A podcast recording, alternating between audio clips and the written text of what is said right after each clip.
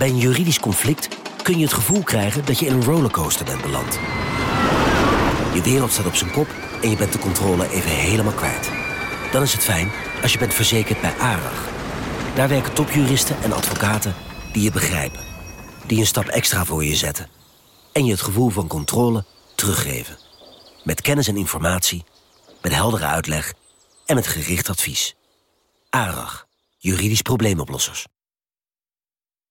Nieuw Aquarius Red Peach Zero Sugar. Met zijn heerlijke frisse persiksmaak zonder suiker draagt Aquarius bij tot jouw dagelijkse hydratatie en helpt zo mee om je vochtbalans op peil te houden tijdens alledaagse actieve momenten. Thuis, op het werk of onderweg. Ook verkrijgbaar in smaken lemon en orange. Probeer hem nu.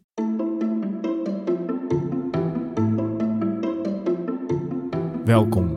Wij zijn Onbehaarde Apen. Dit is een podcast van NRC over wetenschap.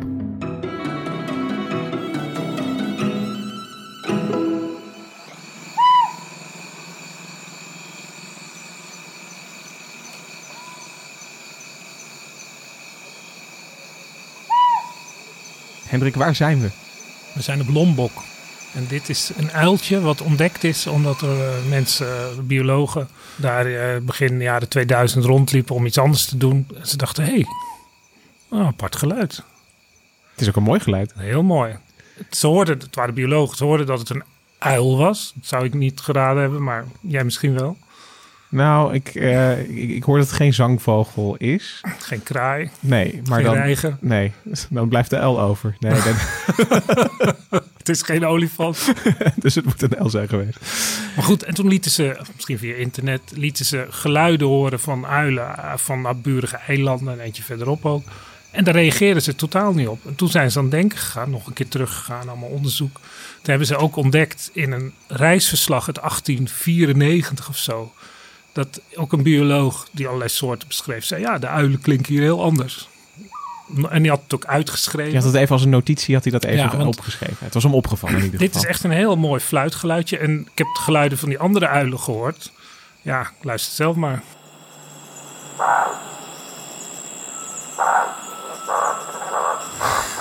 Ja. Dat, dit, je kan me wel voorstellen dat dit fluiten is. Ja, daar ga ik niet op reageren. Nee, dat, dat had net zo goed een pad kunnen zijn, bij wijze van spreken.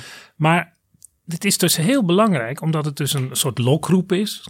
En daarmee kun je dus ook nieuwe uiltjes maken, nieuwe kinderen maken. En het is ook een aangeboren lokroep. En dat betekent dus dat het genetisch is. En dat betekent dus dat je op grond van dat ene geluidje natuurlijk nog wel ander onderzoek doen. Die uilen ook goed bekeken.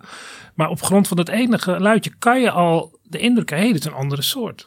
Ja, dus, dus het begint, uh, een nieuwe soort ontdekken begint altijd bij het... Uh, er moet een verschil opvallen eigenlijk. Ja. Van hé, hey, deze, uh, deze muis is net wat bruiner dan, dan die andere. En het, het bijzondere van dit verhaal is dat het op basis van geluid is gegaan. Ja, en dat iemand het al een keer honderd jaar eerder een keer gehoord had. Ja. En het gaat dus ineens heel snel in dwerg, dwerg ooruilenland. Want dit was een dwergooruil. Dwerg, dwergooruil. Uh, bekend onder de Latijnse naam Otis. Dat het ineens een soort koosnaampje wordt natuurlijk. En uh, want voor, in 1975 waren er nog uh, 150 uilen. En een jaar of 30 later hadden ze er al uh, bijna 300. Ja, dus er is een ontzettende dwergooruilenboom aan de hand. Ja. Ja.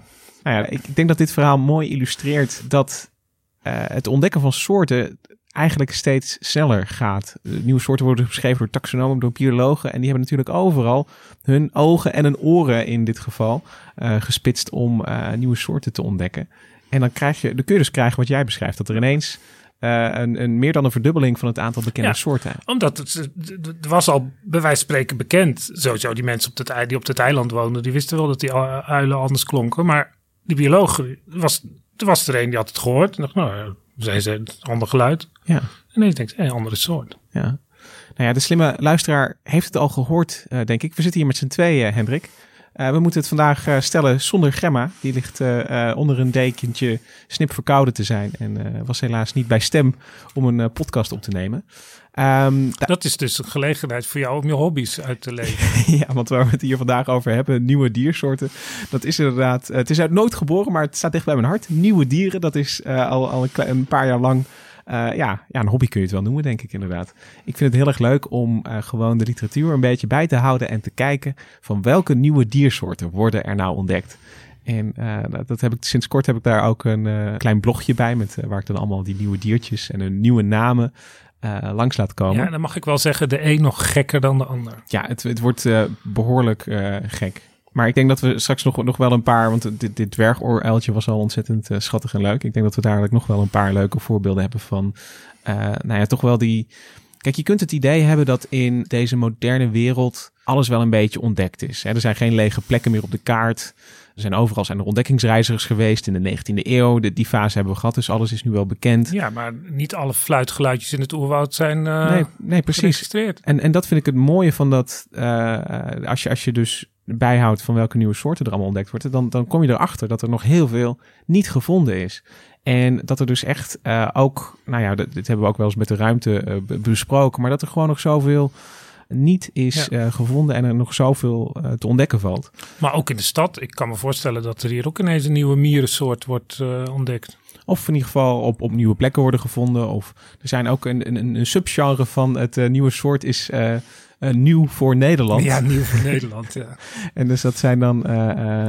Ja, je, je, krijgt soms wel eens van die, van die uh, natuurberichten en dan, dan is er een, ineens een nieuwe springkaan. Ja, is er uh, een Chinese container opengebroken ergens. En dan, dan, zijn er mensen die dat, die dat opvalt en die zien van... hé, hey, er, er staat hier een nieuwe zwam. Of uh, ineens is er... Uh, en dan kunnen we toch gemma's citeren. Want er schijnen campingsoorten te bestaan... die met de caravans mee uit het zuiden komen. Ja, dat zeker. toen in een andere podcast. Ja, over, over exoten. Ja. ja. dus, dus maar ik, ik denk dat je aan, aan die nieuwe soorten... kun je dus goed zien waar er dus nog wat te ontdekken valt. En nou, ik, ik vind aan de ene kant ben ik altijd benieuwd. Hoe zien ze er dan uit? Zijn het mooie soort? Ik ben ook benieuwd naar de naam die ze dan krijgen. Want ze krijgen altijd een, een, een mooie dubbele naam met het geslacht en de soortnaam. Ja, dus ik herinner me een reeks, eh, volgens mij waren het slakken, maar het kunnen ook, het was iets uh, zeekomkommers zijn geweest, die heel lelijk waren. En die werden uit naar het volledige kabinet van uh, George Bush genoemd. ja, je kunt het ook heel uh, venijnig inzetten. Maar als je nou even de, je zei al, de, de, de geslachtsnaam van deze dwerg Otis. was Otis. En, en welke soortnaam hebben ze dan gegeven? Moet ik even kijken. Ja wat, ik, wat ik vooral onthouden heb, is dat die radicaal verschilde van de Otis magicus. Ach, kijk nou. Magische oordwerguil. En hij is ook heel anders dan de Otis rufescens. Maar hoe heet hij dan? Moet ik eens even kijken. Oh ja, de Otis Jolande. En dan, dan staat ze er altijd, elke bioloog die een nieuwe soort bedenkt, die moet altijd even uitleggen. Ik heb deze soortnaam bedacht. En uh, Volgens dat doe ik genoemd naar de vrouw van een van de nou, biologen. Kijk, dat is toch ja, leuk? Genoemd naar die, die man die dus de eerste keer in het oerwoud was. Dan denk ik, hey, een rare fluit. Zijn vrouw, Jolanda. Nou, kijk, maar dit, dit zijn toch soort mini-verhaaltjes in één naam krijg je dan. Dus en er is... staat ook heel netjes bij. She contributed much to the fieldwork. Dus ze was er gewoon bij. Ja, Misschien had zij het wel gehoord. Dus je ziet dus dat biologen die soortnamen gebruiken om uh, dingetjes recht te zetten. Of om iemand te eren of om iemand te beledigen. Zoals je, wat je net noemde met dat uh, kabinet van Bush. Het is een heel mooi uiltje trouwens. Dus Jolanda die zal niet uh, beledigd zijn. dus ja. daar kunnen biologen ook een beetje mee, mee, mee spelen. Maar het is ook om een andere reden belangrijk, denk ik. Je, je kunt denken van nieuw dier, haha leuk, altijd goed. Het is leuk voor een berichtje in de krant. Leuk ja, blog. Ja, leuk blog. Daar kun je een heel blog mee vullen. dus. blinde vink. Maar waarom het uh, belangrijk is, is omdat, en, en dat vind ik wel echt uh, een punt voor de biologie, zijn soorten wat uh, deeltjes zijn voor de natuurkunde. Het, alles begint bij een soort. Je moet weten welk dier of welke plant of welke bacterie ergens zit. En je moet het een naam kunnen geven om het te kunnen onderscheiden van andere dingen. En ook om er verder onderzoek naar te ja, doen. Voor het, zeg maar de, ik zou bijna zeggen voor de levende biologie, voor de biotopen en zo. Want voor celanalyse maakt het niet zoveel uit, celbiologie. Voor celbiologie maakt het denk ik nog steeds uit om te kijken naar welke cel van welke soort kijk je. Want, want de, de, de, de cellen van een krokodil, die kunnen weer ja. radicaal verschillen van die van een schaap. Dus, dus ook daar moet je weten naar welke soort ben ik aan het kijken. Omdat biologie is uiteindelijk toch een soort geschiedenis. Want je kijkt naar de, een uitkomst van een heel erg lang proces. En met die soorten geven we eigenlijk ja, de verschillende families aan. Dus... Maar het, het interessante van de vergelijking met die deeltjes is dat er in het begin is er moeite om een, een, nieuw deeltje te vinden. En dan vinden ze iets, weten ze niet goed wat het is. Is het een bekend deeltje, onbekend deeltje? Als het eenmaal is vastgesteld, is er geen enkele twijfel meer over. Niemand zegt van uh, neutrino, wat is dat eigenlijk? En uh, een quark zus, quark zo. Dat wordt al, dat is eigenlijk vastgelegd, er wordt berekend. Er wordt duizend keer geëxperimenteerd, blijkt allemaal te kloppen.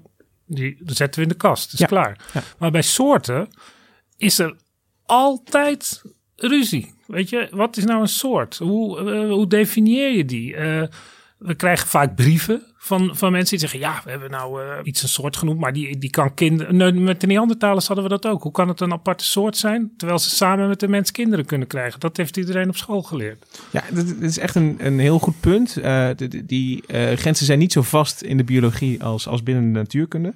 En, en daar moest ik ook wel een beetje, toen, jij zei van er zijn ineens veel meer dwergooruilen, dacht ik ook aan iets wat ik net gelezen heb. En als ik dat er eventjes bij mag zoeken, is, is dat van alle nieuwe soorten die we erbij krijgen, eh, die jaarlijks beschreven worden, zijn ook waarschijnlijk een paar vals alarm. eh, waarvan nou ja, na een tijdje toch blijkt van eigenlijk lijkt hij toch wel heel erg veel op zijn buurman of buurvrouw. En ja, zijn, zijn deze twee soortnamen gewoon synoniem en moeten we maar eentje gebruiken? En er, er zijn ook schattingen van, voor één getal vond ik best wel schokkend. Dus dit is, voor, dit is een eh, harde Hij bladert nu door hele dikke encyclopedieën, mensen. Kijk, er zijn dus schattingen van de, de 1,3 miljoen soorten die we al hebben. Dus dat vind ik sowieso al een mooi getal. 1,3 miljoen soorten. En dat is dus alles in wat we kennen. Eh pinguïns, zeesterren, eh eikendennen, alles, alle, al het leven dat we kennen.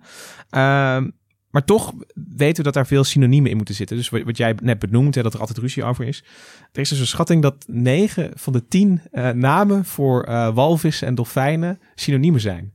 Dus, dus, dus dan denken we, stel er zijn eh, eh, duizend eh, walvissoorten nu beschreven, dan weten we daarvan dat er 900 eigenlijk niet echt kloppen. Ja, dat is ook logisch, omdat ze, in zee is moeilijk te onderzoeken. ja, ja precies. Dus dan heb je... je hebt, je hebt, maar je hebt ook nog, dat bedoelde ik eigenlijk, je hebt mensen die soorten graag bij elkaar voegen. En so- dus dan maken ze alles een ondersoort. Ja. En ja, maar het is een hele ingewikkelde kwestie volgens mij. Dus dan Het- moeten we daar een aparte... Dat lijkt me een goed idee om dit nog een keertje verder uit te, spla- te, te splitsen. Wat is een soort nou precies? Maar voor nu lijkt het me goed om eh, even dat getal van 1,3 miljoen even in je hoofd te nemen. En dan, dan is de vraag die sommige biologen eh, zich afvragen van hoeveel moeten we nog? Ja, hoeveel uilen zitten er nog op Lombok die Ja. we niet gezien hebben? Want in principe is het, de, de opdracht is duidelijk. Beschrijf alles eh, wat, er, wat er op aarde leeft. En op een gegeven moment ben je natuurlijk klaar. Ja, Ja. kijk, er worden nieuwe soorten gevormd. Maar dat is zo langzaam op een gegeven moment ben je klaar. Nou, dat, dat is echt... eh, hier hebben heel veel biologen zich het hoofd over gebroken. En de schattingen lopen dus ook heel erg uiteen. Ik heb dingen gezien van 1 tot 100 miljoen Ja. eh, eh, die we nog moeten. Maar er zijn slimme manieren om daar toch een vinger achter te krijgen. En er is een heel mooi artikel in 2011 verschenen van eh, Camilo Mora, die aan de Universiteit van Hawaii zit. En heel veel soorten hebt trouwens. ja, eilanden zijn echt goede plekken om nieuwe soorten te ontdekken. En zijn idee was, als je nou kijkt, gewoon je, je zet het aantal soorten uit een bepaalde groep, bijvoorbeeld insecten, zet je uit tegen het jaar. Dus in eh 1890 waren er eh, zoveel duizend insecten. In 1900 wisten we van zoveel duizend aantal insecten. bekende insecten. Ja, precies. Dan krijg je dus een, een curve, een ontdekkingscurve, zeg Ja. maar. Van het worden er steeds meer, want de wetenschap die dendert voort. Eh, maar als het goed is, als je het einde van je werk eh, nadert, dan wordt het steeds moeilijker om een nieuw insect te vinden. Omdat gewoon de, alles in je achtertuin is al beschreven. Ja. Je moet op eh, hele gekke plekken gaan De kans zoeken. dat er in de Rijn een nieuw nijlpaard wordt ontdekt is eh, heel klein natuurlijk. Precies, dus de, de, de, de Rijn is echt al heel goed bekeken. Dus je moet naar verre plekken en onder gekke steentjes gaan kijken. Dus dan zie je in die curve, die, die nadert een asymptoot. Naarmate je het echte aantal insecten nadert. En dat is zo. Ja, dus, dus, en, en voor sommigen is dat meer het geval dan voor anderen. Dus, dus voor een zeeleven zijn we al heel ver. Maar als je dus een, een, een beetje kijkt naar Dus al het die is gewoon een groepen. statistische exercitie Ja, eigenlijk. dit is een. Maar eh, daar houden ze ook rekening mee dat er nu steeds meer biologen zijn. Ja, dat, dat, dat kom ik nog op. Oh. Dat, dat is Oh, dat, echt. sorry hoor. Ja, nee, maar het is echt een heel goed punt. Maar, maar deze, deze Mora, die, die keek dus naar die curves. En, en die, die, die, die ging voor elke eh, groep ging je ongeveer een beetje inschatten van... oh, eh, voor eh, insecten zitten we daar. En voor de stekelhuidigen Ja, net alsof daar. je in je huis, je weet dat er geld verstopt is ergens wat je ooit vergeten was. En dan ga je iedere kamer langs, maar ja, op een gegeven moment vind je niks meer. Vind je niks nieuws meer? Ja, Nee.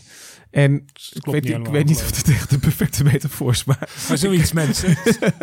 ik praat gewoon door alsof het echt een heel goed idee was.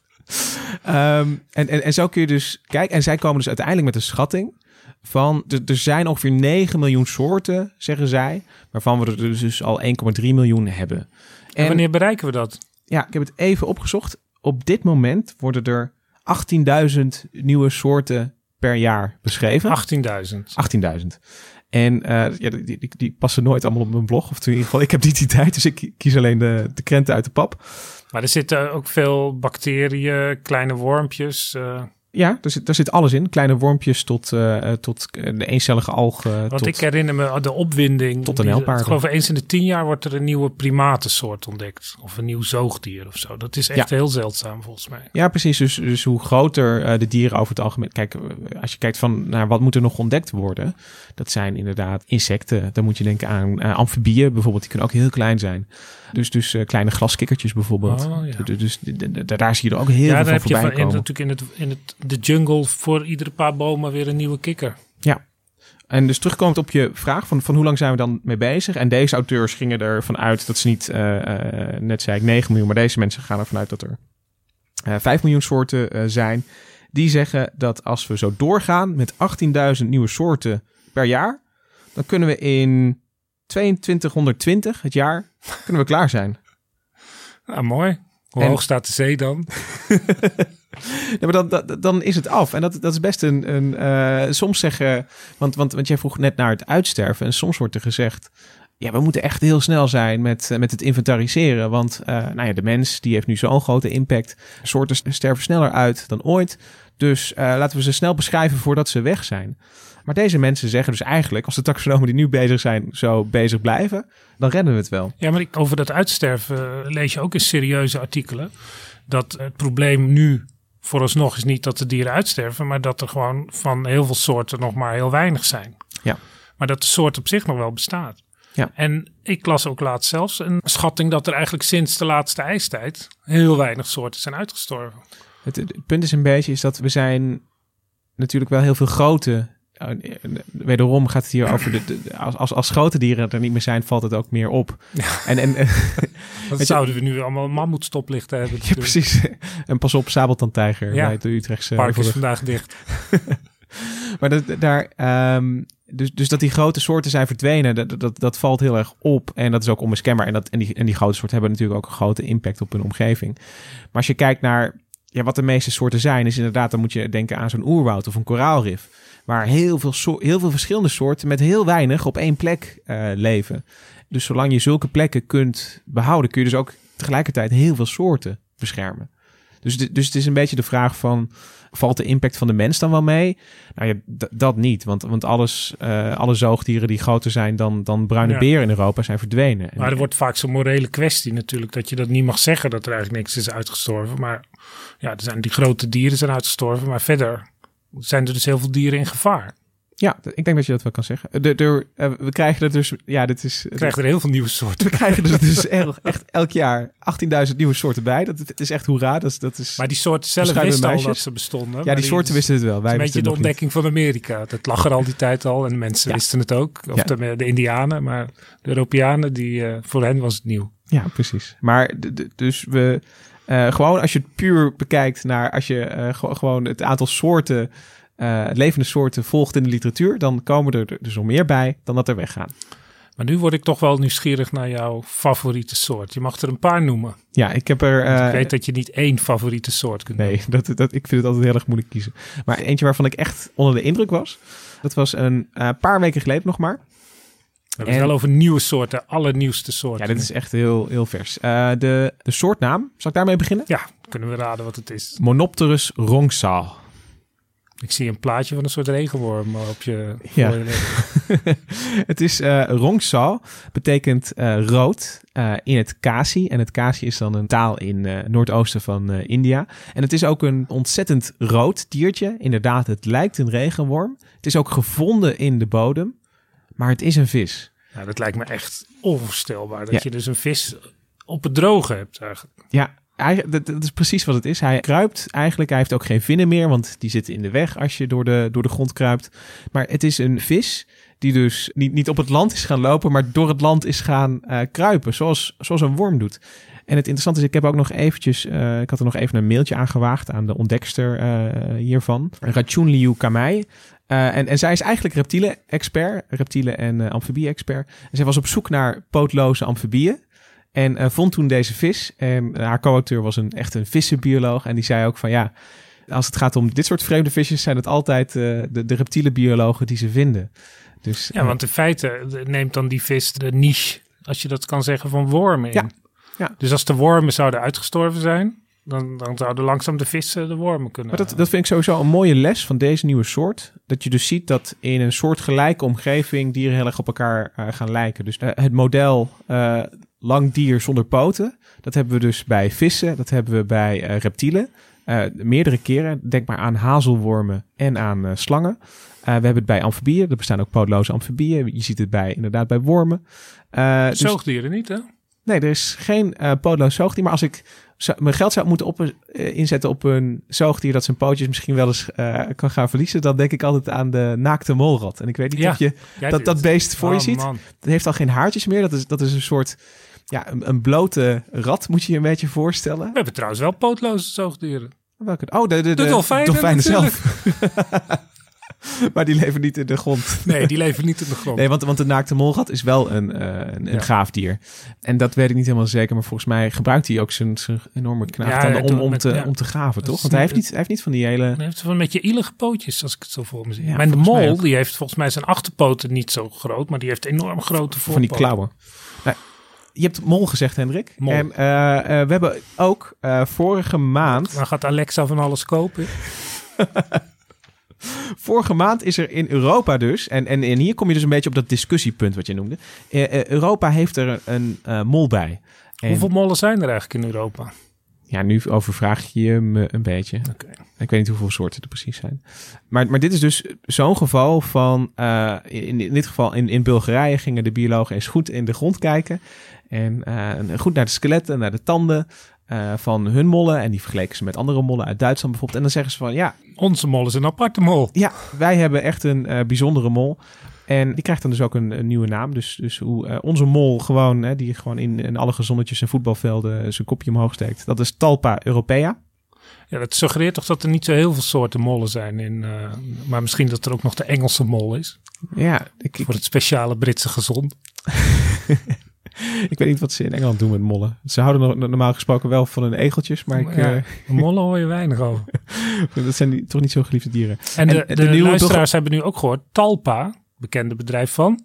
John de Mol. John de Mol. Ja. Ja, Talpa is, uh, is, is mol in het Latijn volgens mij. En de nieuwe Bulgaarse mol, uh, hij leeft ook in, in uh, Thracië. Dat is volgens mij het noorden van Griekenland. Ja. dat is Talpa martinorum, naar een zoologe echtpaar. En mag ik er nog eentje doen? Ja. Uh, ook omdat, dat is dan de, de meest recente. Ik, ik denk dat daarin wel veel samenkomt waarom sommige soorten nu pas ontdekt worden.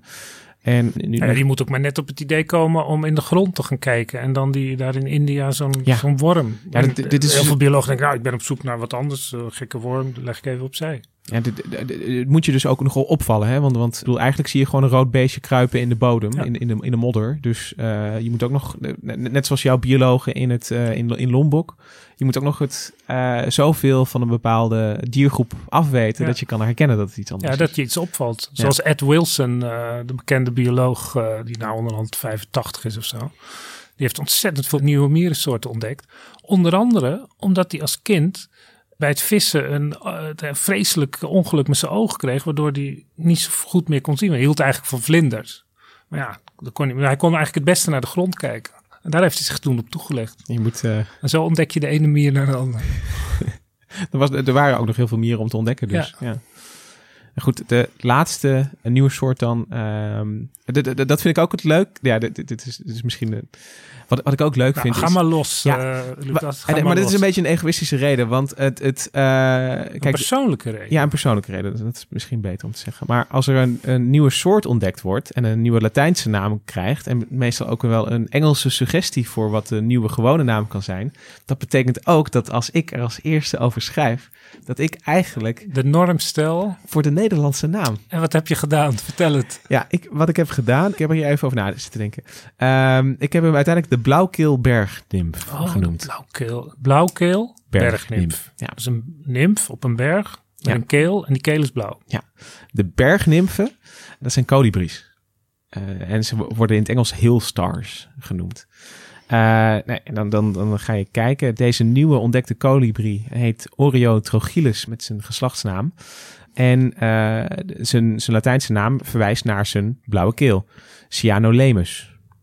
Zeggen ze dan, of Cyanolemus. Ik weet niet eh, wat, eh, hoe dat geldt voor, voor de uitspraak voor de C in, Alles mag. in biologennamen. Ehm, dus zij noemen hem zelf ook de Blue-Throated Hillstar. Ja, en dan aan mij dus de eer om dan een, een, naam te bedenken. En maar dat bergnimf, heb jij dat zelf bedacht? Nee, dat heb ik niet oh, zelf dat bedacht. bestond al Dat als bestond al. vertaling Ja, voor. Hillstar. ja, ik, ik, ik maak het natuurlijk niet te gek. Oh, ja. Ja. Blauwkeel bergnimf vond ik sowieso al. Dat, dat, dat, daar zit zoveel in. En het is ook een, echt een hele mooie eh, smaragdgroene eh, kolibrie als je naar zijn kop kijkt. Maar met hoe een blauw hebben, ze, keeltje. hoe hebben ze dan zo'n mooie kolibrie met zijn blauwe keel over het hoofd gezien? Omdat hij in een heel klein gebiedje leeft in het Andesgebergte. En ook hier weer een ornitholoog ging eigenlijk eh, foto's maken in het gebied. En die dacht, hé, hey, maar dat is een mooie. En ik, volgens mij is dat blauw op zijn keeltje is net iets anders dan, eh, weet je, de, die, die van de, de andere bergnimfen die ik ken. Die is net iets groener of net iets geler of net iets... dit- Volgens mij is dit nieuw.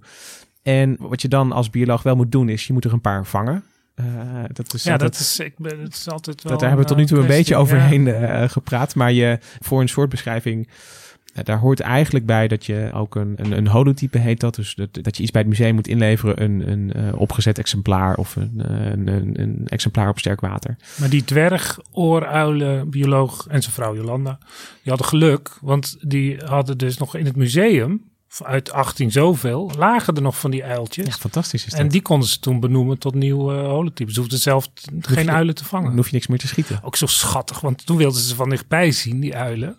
En toen hadden ze dus die lokroep opgenomen. En die hebben ze toen afgedraaid. Ja hoor, en daar kwamen ze dan. Steeds dichterbij. Op, op, konden ze fotograferen en bekijken. dan komen ze op een partner Ja. af die niet bestaat. Ja, dat is dan weer... eh, Nee, goed. Ik, ik zie altijd... eh, dat zal de ethische commissie toch wel goed gekeurd Ja, hebben, dit- denk ik. Dit is oké. Nou, voor, en voor die blauwkeel bergnimf is het dus zo dat ze in een gebied leven dat kleiner is dan de provincie Utrecht. Dus hier komt alles in samen. Het is een klein diertje dat op een afgelegen plek woont. En er zijn er nog weinig van. Het zijn heel mooi. En ze zijn heel mooi. Dat is waarom ik hem heb uitgekozen natuurlijk. Maar ik denk dat die eerste drie, weet je wel, klein dier, afgelegen plek, eh, en er zijn er weinig, dat dat veel van de nieuwe soorten Ja. samenvat die nog ontdekt moeten worden. Maar dat die nieuwe soorten er zijn en dat ze ontdekt gaan worden, dat staat dus eigenlijk wel eh, vast met het, het aantal actieve biologen en taxonomen dat we nu hebben. Dankjewel, Lucas. Nou ja, dit was een, eh, een ja, toch wel een bijzondere eh, noodaflevering Ja. van Onbehaarde Aap. Want we hebben, waar ben je? ja, we hebben ons oorspronkelijke plan eh, snel overboord gezet vanochtend en, en, en dit bedacht. We hopen toch dat jullie er heel erg van hebben genoten. En we vroegen het in onze vorige aflevering ook al. Maar er is een enquête die momenteel loopt. Wij zijn heel erg benieuwd naar wat jij van Onbehaarde Apen en de andere podcast van NRC vindt, Haagse Zaken. En je kunt naar nrc.nl slash podcastonderzoek om daar je mening achter te laten.